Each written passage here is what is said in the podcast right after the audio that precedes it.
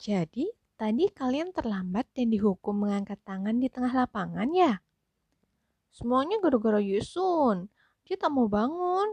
Akhirnya aku menyulut petasan sisa tahun baru dan kumasukkan lewat celah ventilasi yang ada di atas pintu kamarnya. Yisun yang sedang dibully oleh Cheonsa dan Yunhee hanya mampu mengerucutkan bibirnya. Yisun dan Yunhee adalah sahabat dan teman sebaya Cheonsa, meski mereka tidak berada dalam satu kelas yang sama. Yisun dan Yunhee tinggal di apartemen yang sama. Ketiganya kini sedang beristirahat dan menuju kafetaria.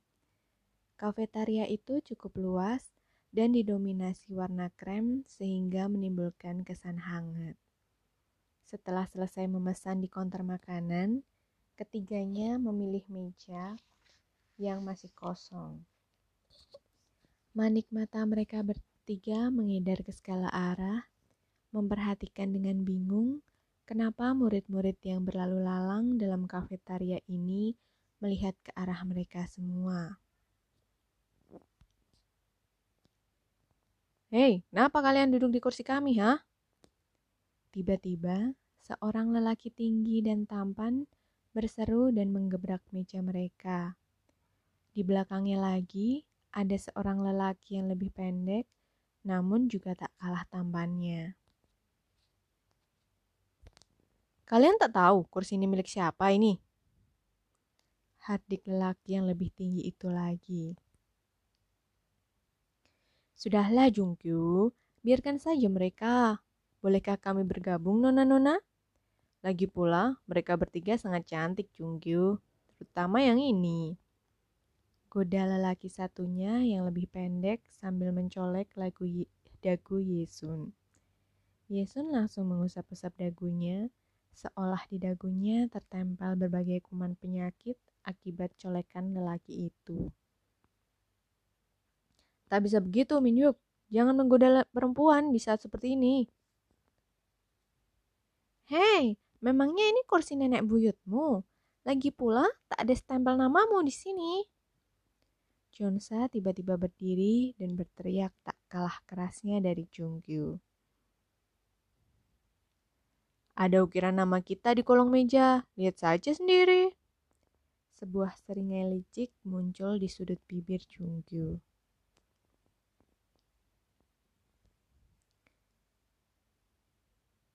Jangan pergi, lebih baik kita pergi dari sini. Geram Yisun yang terus dikedipi oleh Min Hyuk dari tadi. Ia lalu menarik tangan Yun Hee yang duduk di sampingnya.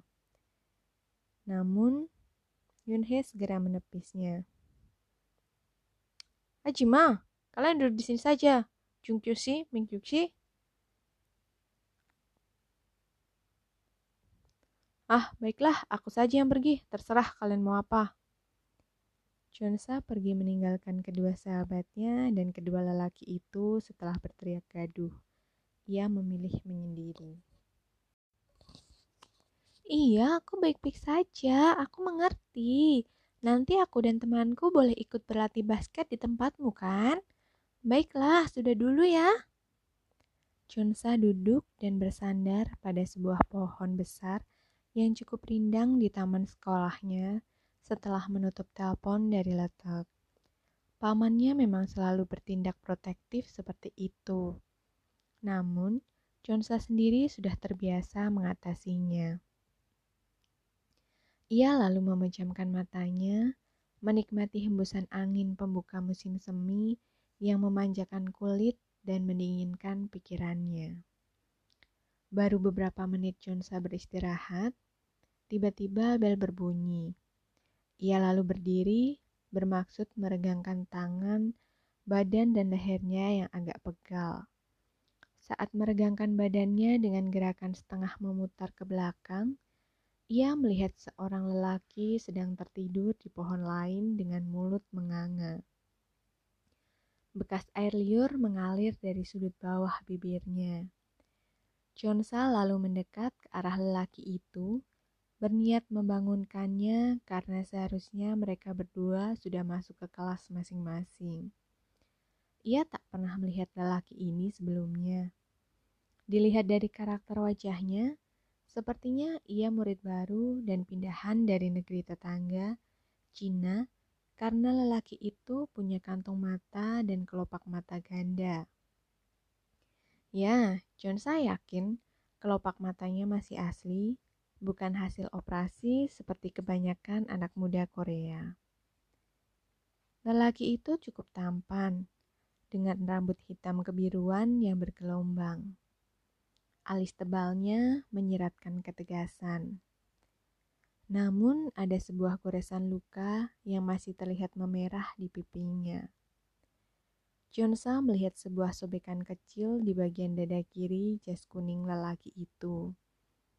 Sontak Jonsa merogoh saku blazernya dan mengambil nemtek yang tadi pagi ditemukannya. Apa lelaki ini pemilik nemtek ini ya? Jonsa menggenggam erat nemtek dari besi berwarna keperakan itu di tangan kirinya. Tangan kanannya lalu mengambil plester yang ada di saku roknya.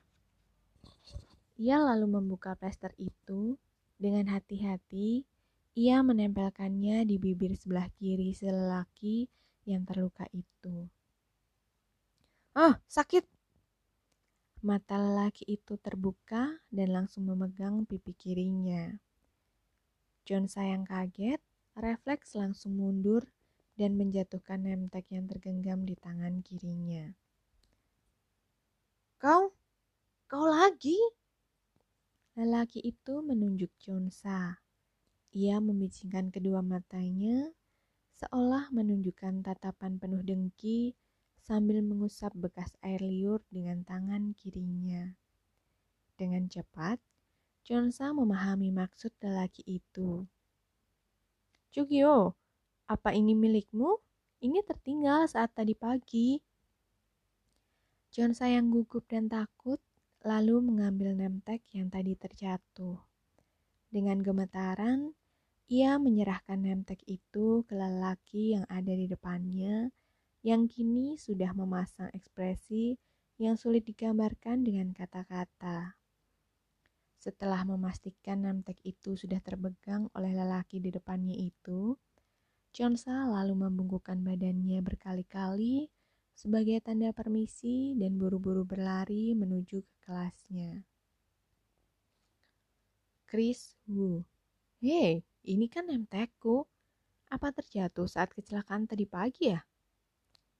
Chris lalu meraba dan melihat bagian kiri jas kuningnya yang ternyata ada sebuah sobekan kecil.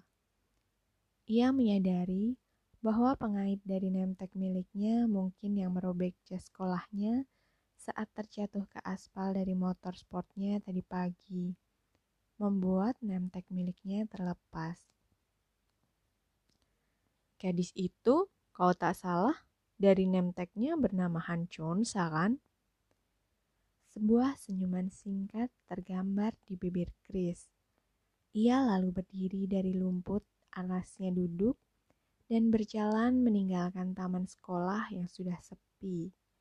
Pertemuan keduanya dengan Chonsa hari ini menyiratkan banyak makna. Silahkan masuk.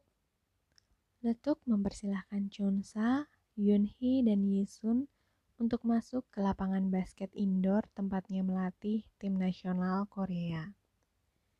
Ia tersenyum ke arah perempuan-perempuan yang berada di belakangnya sambil membukakan pintu masuk. Chonsa berdiri di urutan terdepan karena ia terus didorong-dorong oleh Yisun yang juga didorong oleh Yunhee yang berdiri di urutan paling belakang. Jonsa yang meremas ujung roknya dengan wajah setengah kesal karena perlakuan semena-mena temannya itu. Hei, kalau kalian mau masuk, cepatlah. Jangan menghalangi pintu, aku mau masuk. Kata seseorang dengan kasar, memaksa melewati pintu masuk hingga menyenggol bahu Chonsa dan membuat gadis itu hampir terjatuh. Namun dengan cepat, Letuk segera menangkapnya. Kencana? Tanya Letuk. Mimik wajahnya yang menunjukkan sedikit kekhawatiran mengendur setelah Chunsa menggelengkan kepalanya dengan cepat. Mata Chunsa masih mengekori punggung pria itu. Ya nih, dia memang seperti itu, terang letu. Hei Chris, kau tak boleh terus begitu pada gadis-gadis. Chunsa yang sedari tadi memang sudah mengenali sosok Chris hanya memaklumi dalam diam. Pertemuan ketiganya dengan Chris hari ini masih saja dengan suasana datar yang sama tak enaknya. Sudahlah, ayo berlatih saja untuk Kajusi. Letuk tersenyum dan merangkul Chonsa yang diikuti kedua temannya menuju ke dekat lapangan basket. Kalian bawa baju ganti kan? Kamar gantinya di sebelah sana. Chonsa yang sudah berpeluh kini beristirahat di pinggir lapangan basket. Nafasnya masih terengah-engah. Ia mengenali tiga orang yang baru saja dilihatnya tadi siang, sekarang sedang berada di lapangan basket lain di sebelah lapangan yang ia dan teman-temannya pakai untuk berlatih.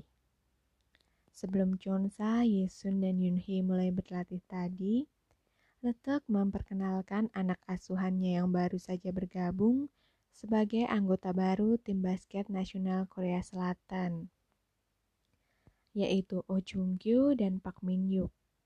Dua pria yang berseteru dengannya di kafetaria sekolah tadi siang, serta Chris Wu, pria si pemilik name tag. Memperhatikan Chris yang masih memakai plester coklat di pipinya itu berlatih basket. Chris mendribble, berlari, dan melakukan slam dunk terlihat sangat keren di mata Chunsa. Entah kenapa, dunia kini seperti perlahan berotasi super pelan. Chunsa terhanyut dalam senyumannya sendiri. Kemudian, ia melihat Minyuk yang sepertinya lelah setelah bermain basket itu masuk ke dalam lapangan basket tempatnya berlatih. Tiba-tiba, ia menarik tangan Yisun yang sedang belajar melakukan passing dengan Yunhee.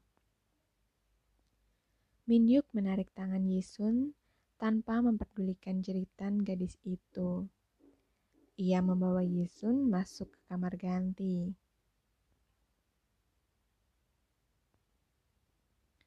Ya, lepaskan aku. Keringatmu bau sekali. Pak Minyuk, amis bau laut. Yunhee, Chansa, tolong aku. Perlahan, teriakan Yisun semakin lama semakin lenyap. Entah, bisa jadi mungkin Minyuk sudah memberinya obat bius agar tidak berteriak-teriak stereo lagi.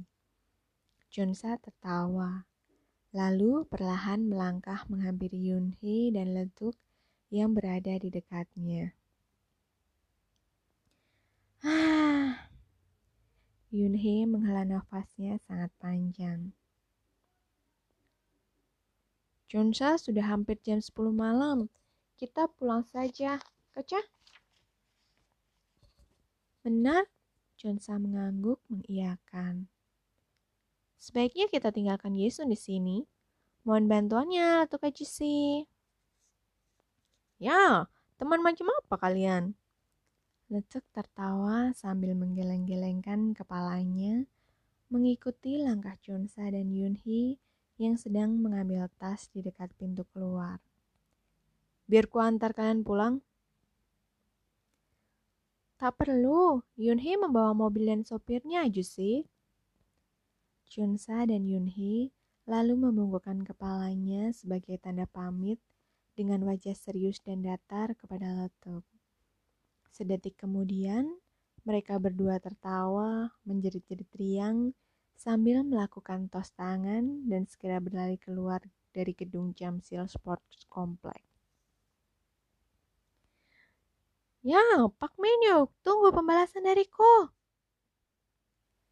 Saat letuk yang baru akan berencana untuk menyandarkan kepalanya perlahan pada dinding Jamsil Arena yang dicat warna putih itu, ia langsung terantuk tembok keras itu karena kaget mendengar teriakan keras dan wujud Yesun yang sudah tak beraturan sekarang.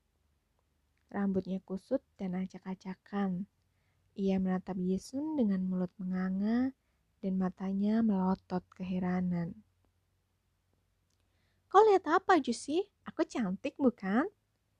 Yesun melempar sebuah gulungan baju basah dan bau yang ternyata adalah baju yang dipakai Min Yuk tadi sewaktu bermain basket.